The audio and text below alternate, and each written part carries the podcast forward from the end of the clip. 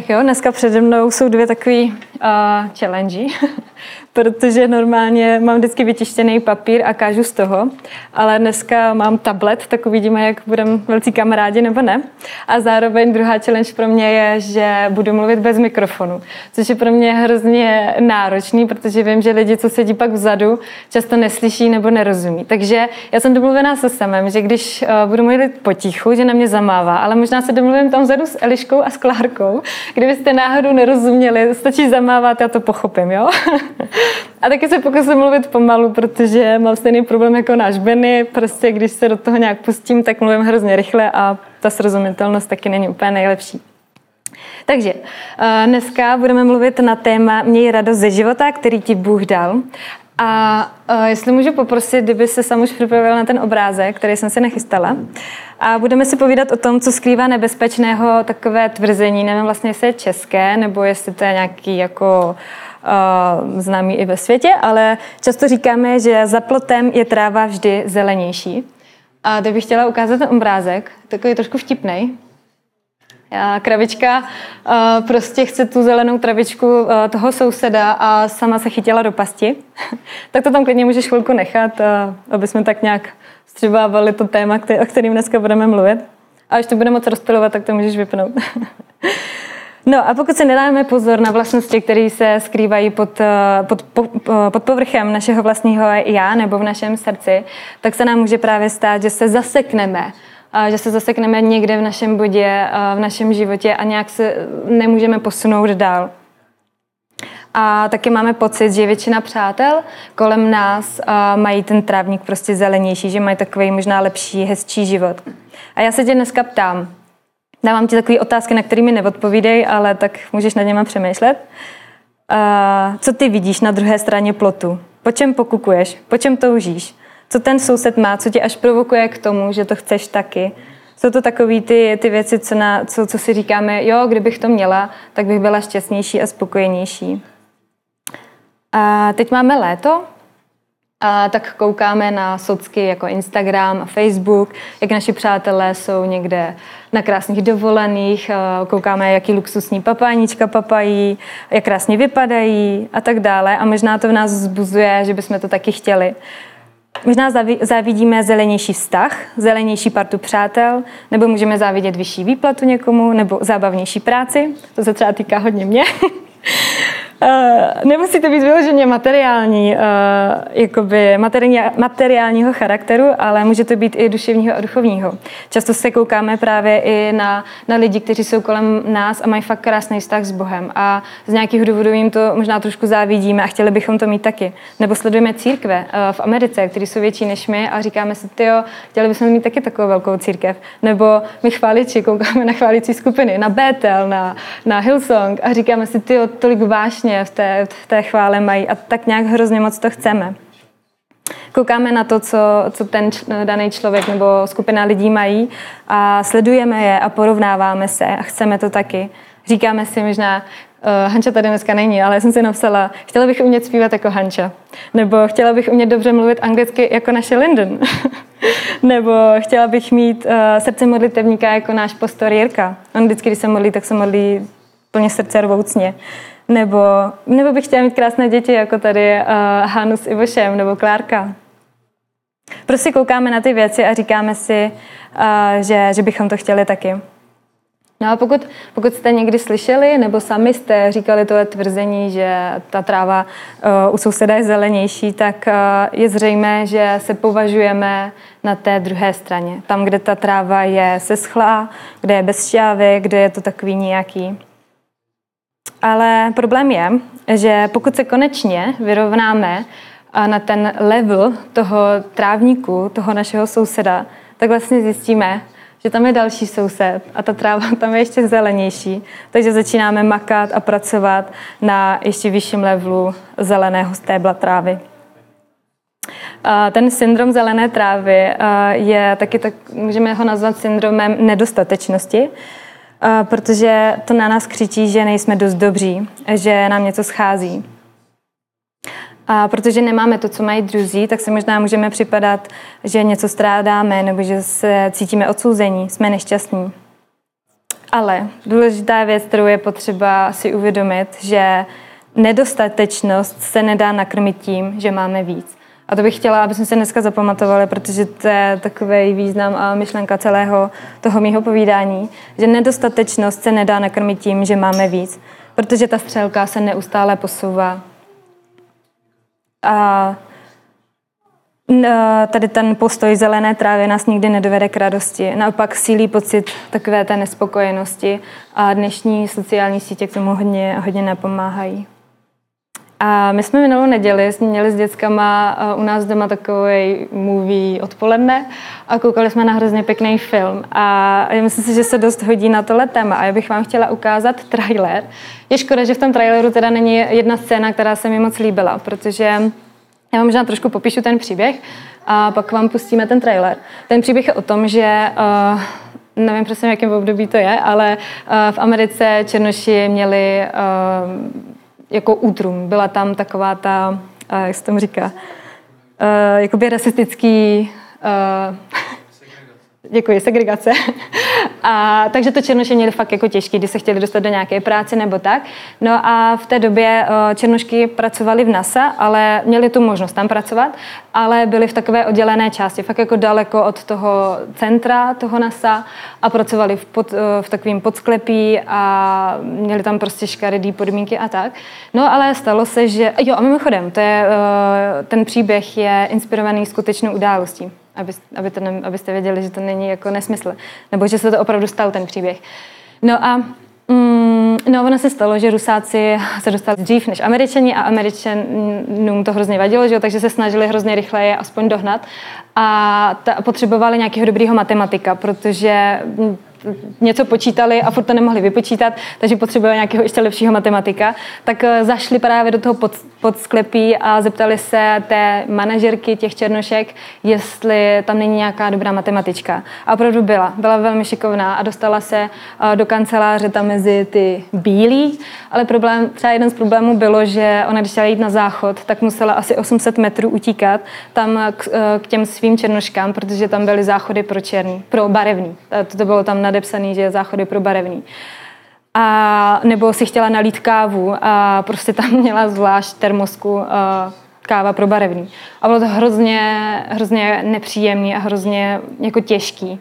Opravdu to bylo těžký. No a uh, taky nakoupili nějaký uh, matematický stroj, počítač, který měl ty černošky nahradit. No a tady ta čern, uh, manažerka Černoška um, jakoby, když se tak řeknu, ona se nekoukala na ten zelenější trávník těch uh, bílých lidí, co pracují někde nahoře.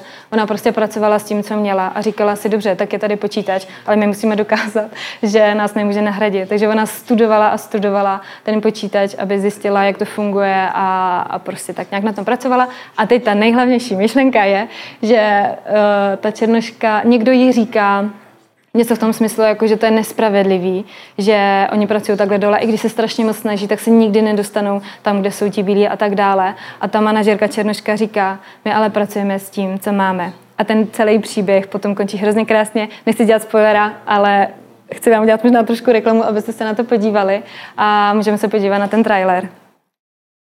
V tom traileru bylo spoustu věcí, které možná jste nepochopili, ale bylo tam třeba vidět, že ty černošky se uh, nevzdaly, že třeba jste mohli vidět, že i ten, uh, ten týpek, co tam bouch, boural tu ceduli, tak boural tu ceduli uh, těch jakoby barevných záchodů, protože a vadilo, že ta holka furt nebyla v kanceláři, protože vždycky musela utíkat na ten záchod skoro celý kilometr a, a, a tak se prostě rozhodl, že to zbourá.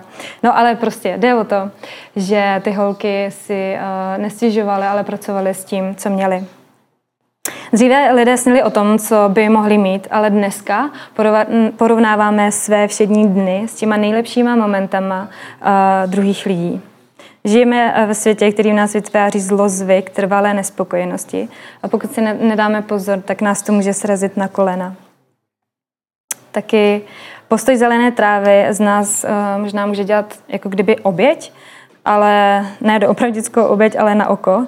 Máme pocit, že jsme se dostali do nevýhodné, uh, že jsme se dostali do té nevýhodné pozici ne kvůli naš, jakoby naší vinou, ale vinou někoho jiného. Příležitosti nám utekly, možná nám nebyly ani dány. Vidíme společnost, vidíme vládu, vidíme covid, vidíme rodinu. Obvinujeme ostatní za to, kam jsme se dostali my. Ale problém uh, mentality oběti nám dává zvláštní taky pocit, že, že máme pocit, že ostatní lidi by měli rozumět tomu, že jsme v takové blbé situaci. A nebo dokonce můžeme obvinovat Boha, že nám dluží to, co dal uh, ostatním a nám ne. Teď Bůh je všemohoucí, tak proč by mě nemohl dát to stejné, to, co dal tomu vedle? A pocit uh, obětí vede ale taky k žádlivosti a v Bibli máme mnoho příběhů o žádlivosti, které přerostly opravdu něco ještě horšího než jenom žádlivost. Kain a Abel. Uh, Kain zabil Abela ze žádlivosti, protože měl pocit, že uh, Abel měl lepší vztah s Bohem. Nebo Ezau žádlil na Jakoba, protože měl pocit, že Jakob měl lepší vztah uh, s rodičema. Nebo rodina od Josefa. Celá rodina Josefa ho neměli rádi a chtěli ho zabít, prodali ho do otrství. V je spousta dalších jiných uh, příběhů, které právě mluví o téhle um, žádlivosti a takových divných choutků. A pojďme se podívat do Bible, na, do Jakuba. Jakub čtvrtá kapitola. Jakub 4, 1, 3.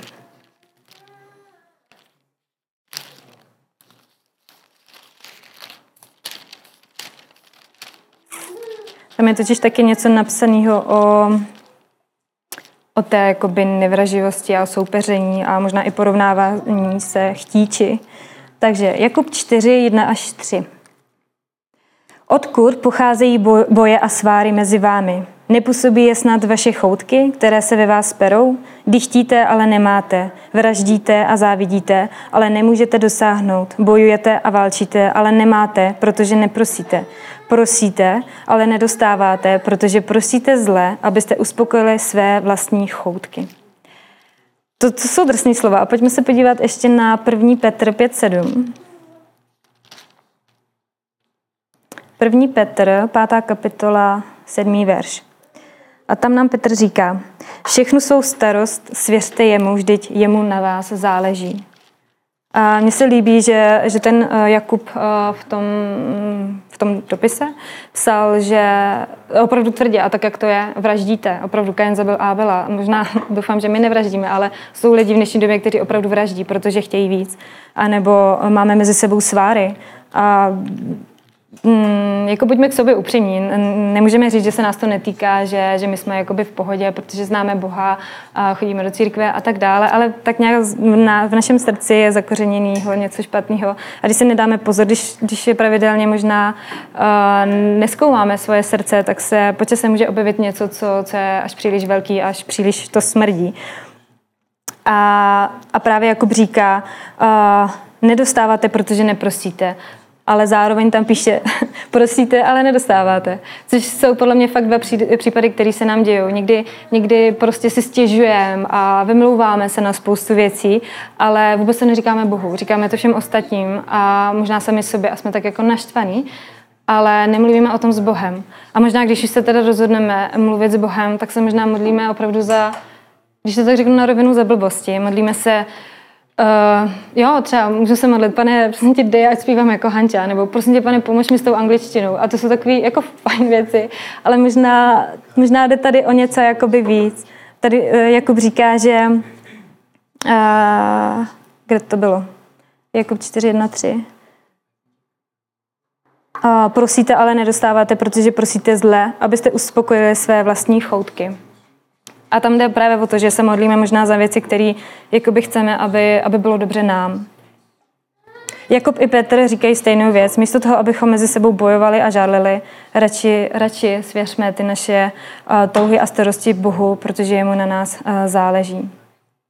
Uh, potom uh, další příběh, který bych chtěla zmínit, je král Saul. A je to vlastně jeden z velkých uh, příběhů o žádlivosti. A uh, dříve, vlastně, dříve v Izraeli vládli soudci, ale Izraelité v jeden moment uh, si stěžovali a nechtěli, aby jim vládli soudci, ale králové. A tak uh, prorok Samuel našel Saula, který byl velmi výjimečný mladík. V Bibli je napsáno, že byl tak pěkný, že nebylo pěknějšího, o, o hlavu převyšoval ostatní a je z dobré rodiny. Prostě je značka ideál, značka král, stal se králem.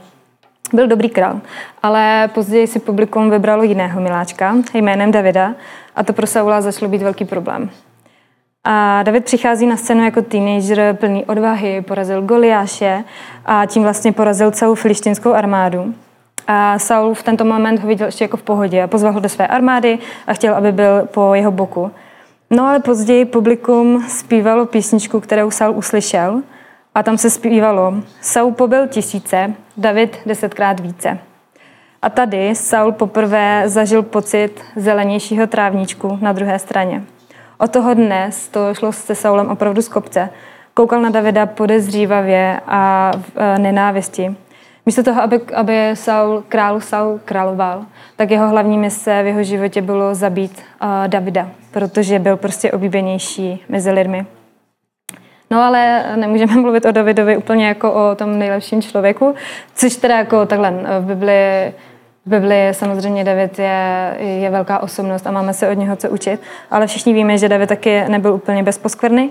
Později totiž dostal chuť na manželku svého vojáka a podle si zařídil, aby se stala jeho ženou.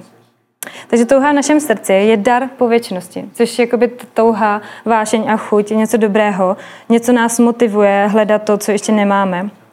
Ale pozor, ta touha nebude nikdy uspokojena, pokud svou touhu nenajdeme v Bohu. Ne tak, že svoje touhy budeme předkládat Bohu, ale že samotná touha bude Bůh. A já si myslím, že o tom i tak trošku mluvil ten uh, Kuba, Kubíček, že, že mm, prostě ta, eh, že toužíme po Bohu, že toužíme po jeho blízkosti, že toužíme prostě vidět věci, které Bůh opravdu chce dělat na této zemi. A najednou ty věci, eh, takový ty povrchní, už jsou takový eh, vedlejší. A není to, to, to, to, číslo, nám, to číslo jedna v našem životě, ale číslo jedna v našem životě je opravdu poznávat Boha. Taky skvělým příkladem touze po víc je jídlo.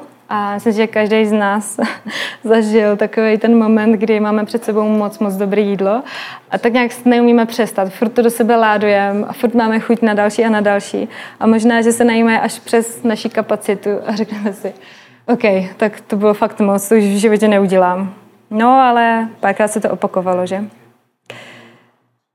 No, Bůh stvořil uh, chuť, ale hřích ji zničil.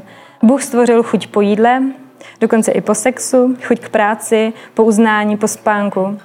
Žijeme ale v pokřiveném světě, který chce tyto chutě uspokojit nezdravým způsobem, nesprávným způsobem, pokřiveným, podlým, nemorálním, nemorálním, neetickým. Způsobem takovým, že uspokojíme sami sebe, ale na úkor druhého člověka. Hřích poničil naše chutě, ale samotné chutě jsou od Boha. Díky chutí můžeme fungovat na tomto světě a nejenom fungovat, ale užívat si života. A by the way, my jsme jediný uh, boží stvoření z masa a kosti, kteří si opravdu můžou užívat života.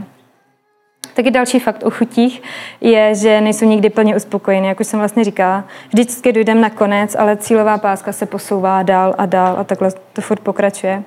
Chutě také říkají, že to musíme mít teď a ne nikdy později. Teď to potřebuješ, bez toho ne, se neobejdeš, musíš to mít hned teď. Jen pak budeš šťastný a dokonalý. Problém ale pak nastává ve chvíli, kdy, ta, kdy té chuti dovolíme, aby převzala vládu nad naším životem. Pak nejsme svobodní a děláme rozhodnutí, kterých pak litujeme. Můžou rozbít naši rodinu, můžou rozbít dokonce i církev, můžou rozbít uh, práci, vztahy, a každý z nás, myslím si, že fakt opravdu každý z nás bychom mohli vyprávět spousty příběhů o našich blízkých, kteří si rozbili svoji rodinu. Jenom kvůli tomu, že měli chuť na prostě něco, co nebylo prostě dobrý. Ale v ten momentální, v ten moment to pro ně bylo tak silný, že se prostě rozhodli špatně a tím se rozbila, dost se rozbila jejich budoucnost. Často ale tyto lidi, když se koukají zpět, tak, uh, tak si uvědomí, že kdyby měli pod palcem ten chtíč nebo tu chuť, uh, tak by se nedostali tam, kam by se dostali. A možná, kdyby se naučili milovat život, uh, který jim Bůh dal, tak by se taky nedostali do, do té situace, do které se uh, dostali. A možná tady um, bych taky chtěla zmínit, že možná spousta z nás uh, nejsme rozvedení nebo neudělali jsme nějakou fatální chybu, ale myslím si, že je potřeba Uh, jo, nesrovnávat se s druhýma, protože nemůžeme říkat, že nás se to netýká, protože věřím tomu, že v našem životě prostě přijdou okamžiky, kdy, kdy možná budeme testovaný Bohem, nebo prostě ďábel nás bude pokoušet a tak dále. A stačí hrozně málo, aby jsme, aby jsme udělali nějaký nezdravý, uh, nezdravý krok nebo uh, nepromyšlený krok. A v Biblii je i napsaný, já jsem sice nenapsala, ale včera jsme o tom mluvili se samým, že v Biblii je napsaný, že si máme dávat pozor, aby, aby jsme se v podstatě nesrovnávali, protože nevíme, kdy to přijde jako by k nám, to, to, ten moment toho rozhodnutí. A nebo další příběh, který hodně mluví o podobné věci, je Jakob a Ezau. A měli takový klasický sourozenecký spor. V dnešní době není úplně, nehraje velkou roli, pokud se narodíš první nebo jako druhý, ale v historii to mělo ohromný význam. Měli takový tři velké výhody když tatínek, nebo no jo, tatínek vůdce té rodiny um, umíral, tak eh, ten prvorozený získal dědictví dvakrát až třikrát více než ostatní sourozenci. Což je velká výhoda proti sourozencům. Trošku si představte jakoby sami sebe v té situaci, abyste se dokázali do toho trošku vcítit. Nebo uh, taky přijímá autoritu soudce. Takže pokud je v té rodině nějaký spor, vy máte to privilegium rozhodnout, jak to bude. Nebo taky eh, to mělo velmi duchovní význam, protože když otec umíral, tak vkládal ruku na svého nej, eh, nejstaršího prvorozeného syna a předával požehnání. A to opravdu to požehnání mělo eh, velký význam. Oni prostě to bylo něco, co, v co věřili a opravdu se to tak dělo. Oni věřili tomu, že Bůh, že to cokoliv, co řekne ten otec, to Bůh prostě jakoby splní. No jo, jenomže Jakub a Ezou, oni byli dvojčata. A já jsem, eh, nebo Jakob celou dobu, eh, celý svůj život prostě přemýšlel nad tím, že je to hrozně nefér, protože on mohl být ten první. On mohl být prostě, tam byla minutka rozdíl, on mohl být prostě prvorozený a byl, byl naštvaný. Ezau byl takový divoch, měl rád lov a byl neustále pryč. A když se narodil, tak byl celý chlupatý a zrzavý a rodiče ho pojmenovali Ezau, což znamená chlupáč. Což je hrozně vtipný, že ve starém zákoně tak jako mimochodem, že uh, oni vždycky pojmenovávali ty, ty děti s, s takovým jako významem, že když, když mu dají nějaký to jméno, tak opravdu tím jakoby předpovídají tu jeho, tu jeho budoucnost. A nebo v tomhle případě byl zrzavý chlupatý, tak jak ho pojmenovat? Tak pojmenujeme ho chlupáč. A Jakob měl celý život právě pocit, že on měl být ten první a byl neustále v patách. A zároveň v Bibli je napsáno, když, když se jako narodili, takže ten Jakob držel Ezau za patu. Takže jeho maminka jinak pojmenovala, než bude v patách. Jakob znamená bude v patách. Takže pojďme si přečíst tady ten příběh o tady těch dvou bratřích. Najdeme to v Genesis 25. 25. kapitola 24 až 33. Tak klidně, klidně můžete poslouchat, protože to bude takový jako příběh, tak, ale neusněte u toho, jo? Když se naplnil čas a měla porodit, hle v jejím lůnu byla dvojčata. Ten, který vyšel první, byl celý zrzavý jako plášť z kožešiny a tak mu dali jméno Ezau, chlupáč. Za ním pak vyšel jeho bratr a rukou držel Ezaua za patu. Dostal tedy jméno Jákob, to jest bude v patách. Když je Rebeka porodila, byla Izákov, bylo Izákovi 60 let. Chlapci vyrostli a Ezau se stal mužem znalým lovu, mužem divočiny, zatímco Jákob, Jákob byl spořádaný muž a zdržoval se doma. Izák si oblíbil Ezaua, eh, neboť mu chutnala zvěřina, ale Rebeka si oblíbila Jákoba, což mimochodem eh, až budu rodič, tak se na to len dám bacha, abych neměla jedno dítě radši než druhé, protože to nedělá nikdy dobrotu. Jednou, když Jákob uvařil kaši, přišel Ezau z pole celý vyčerpaný. Ezau tehdy Jákobovi řekl, dej mi přece hlad toho červeného, tady toho červeného jídla, vždyť jsem vyčerpaný. Jákob navrhl, prodej mi teď hned své prvorozenství. Vidíš, že skoro umírám, odpověděl Ezau. K čemu je mi prvorozenství? Hned teď mi to odpřísáhni, řekl mu Jákob. Ezau mu odpřísáhl a prodal své prvorozenství Jákobovi. Jákob pak dal Ezauovi chléb a čočkovou kaši. Ten se najedl, napil a pak vstal a odešel. Tak Ezau pohrdl svým prvorozenstvím. Je tady hrozně zajímavý, eh, jak tady říká, vidíš, že skoro umírám. Já si myslím, že tohle je strašně přehnaná věta. Já si myslím, že moc dobře víme, že kdyby eh, nedostal tu čočku, tak by určitě neumřel. A zároveň další vtipná věta je, že říká, k čemu je mi prvorozenství. A jak už jsme si říkali, oni měli tři výhody. Oni měli, uh, jakmile tatínek umřel, dostal větší podíl dědictví, měl uh, takovou povahu soudce a dostával velký požehnání. Takže jak, k čemu je prvorozenství? Možná v tuhle chvíli se měl zastavit a trošku zapřemýšlet. A kdo by to z vás udělal upřímně?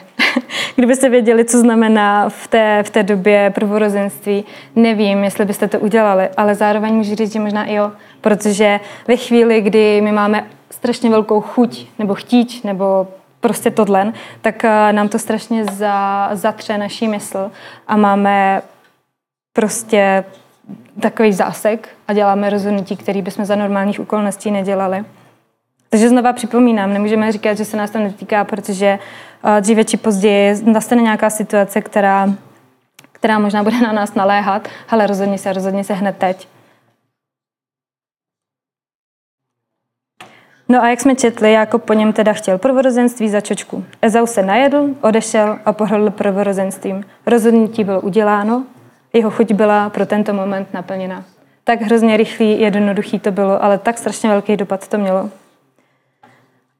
A ještě to nemělo dopad jenom jakoby na, na tu jejich rodinu nebo tak, ale potom později v Bibli se dočítáme, když eh, Bůh se představoval Mojžíšovi v ohnivým keři, tak se mu Bůh představil. Já jsem Bůh Abrahamův, Bůh Izákův a Bůh Jákobův.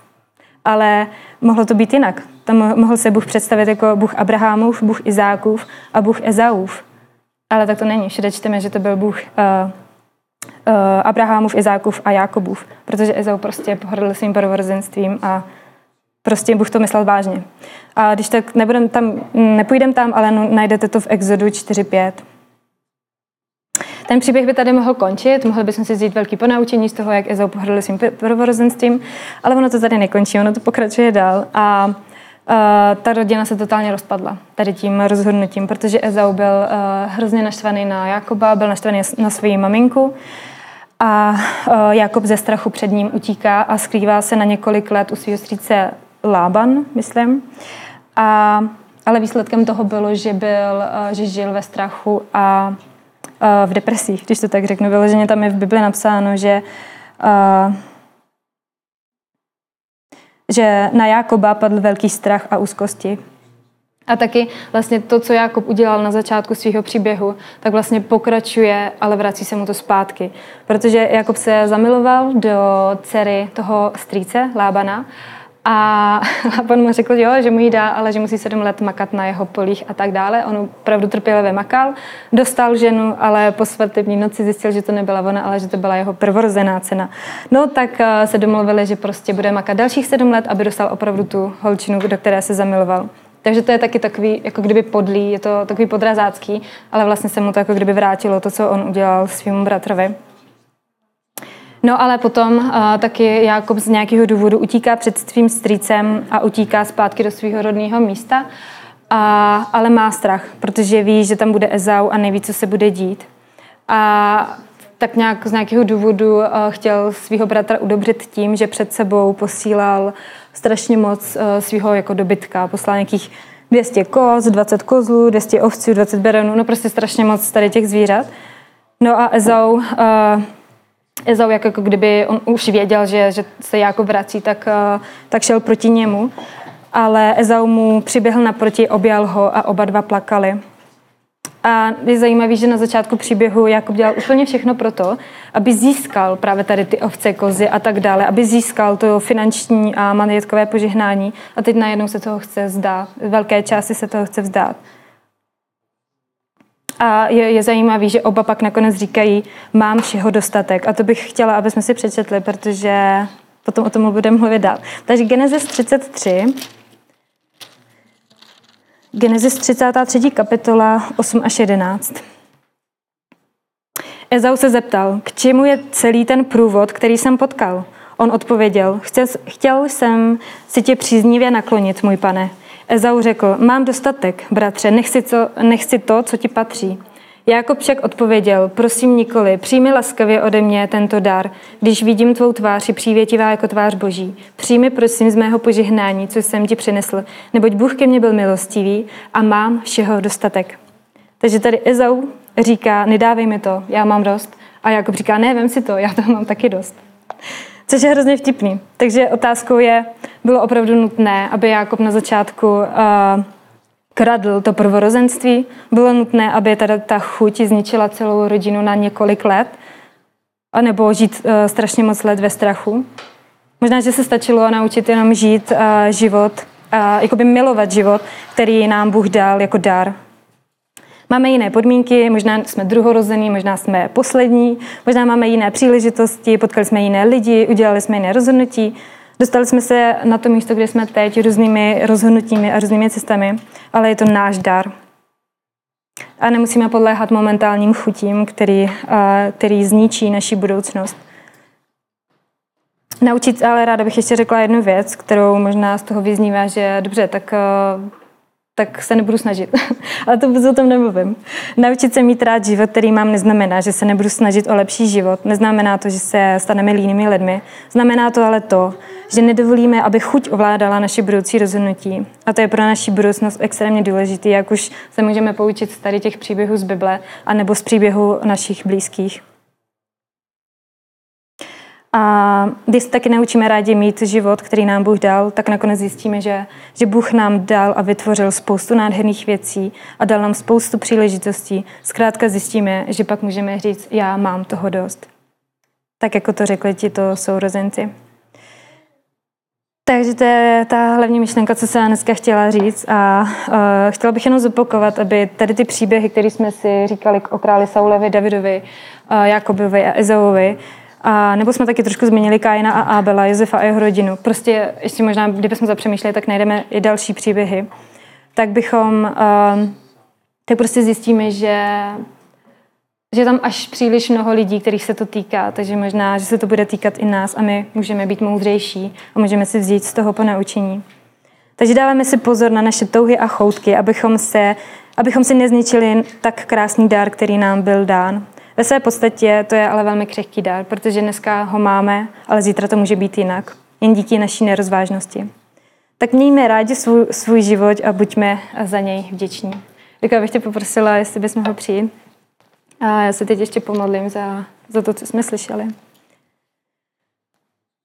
Ježíši, tak já ti děkuji za to, že, že ty se nám dal plnou knihu moudrosti, že, že je tam tolik věcí, ze kterých se můžeme ponaučit. A, a možná, že teď jsme v momentě, kdy se nás to netýká, ale, ale možná, že to přijde, pane. Já tě tak prosím za to, aby si nám tak vybavil ty příběhy o, o králi Saulovi a Davidovi nebo Jakobi a Ezauovi, pane. Já tě prosím za to, abychom naše rozhodnutí nedělali jenom na základě a nynější prostě, že na nás někdo tlačí nebo na nás eh, křičí ta naše chuť a chtíč. Já tě prosím, pane, za to, abychom byli silnější. Já tě prosím za to, aby ty jsi byl silnější v nás, aby moudrost, aby tvoje moudrost křičela v nás mnohem víc, než, eh, než chuti a chtíče tohle světa, pane. Já tě prosím za to, aby si ochraňoval naše manželství, aby si ochraňoval naše přátelství, aby si ochraňoval naše životy, pane, před eh, tímhle padlým světem. A, a když se to někdy možná zdá, že to jsou maličkosti, tak uh, později to vyroste v něco, něco horšího. A já věřím tomu, pane, že se tam nemusíme dostat, když budeme Eh, dobrý správci našeho života, že budeme milovat náš život, pane. Já tě prosím za to, abychom viděli ty dobré věci, které jsi vložil na náš život, že jsme opravdu obdarovaní, že nám nic neschází, pane, že máme všechno to, co potřebujeme pro tento život, pane. Tě prosím za to, aby naše životy byly opravdovým požehnáním, pane, abychom nežili jenom sami pro sebe, ale mohli jsme dávat dál to, co jsme získali my, pane. Ať už je to moudrost tvého slova, nebo, nebo i nějakým způsobem, že máme dobrý a zdravý vztahy, tak Ukaž nám, pane, jak tě tohle můžeme předávat dál, pane, v lásce a v pravdě. Děkuji ti, pane, za, za dnešní den, za dnešní neděli, za to, že, že jsme se mohli a, naučit něco dalšího. A tak tě prosím za to, ať, ať to neumře, tohle dobrý semínko, co si nám dal, ale ať to jenom zkvétá a, a, a roste v požehnání. A, a nauč nás, pane, milovat ten dar, který si nám dal. Nauč nás milovat každý den. A nevíme, kolik roků je před náma, pane, ale ale my chceme, pane, žít naplno, nechceme jenom přežívat. Chceme žít naplno pro sebe, pro, ne pro sebe, ale pro druhý. Amen.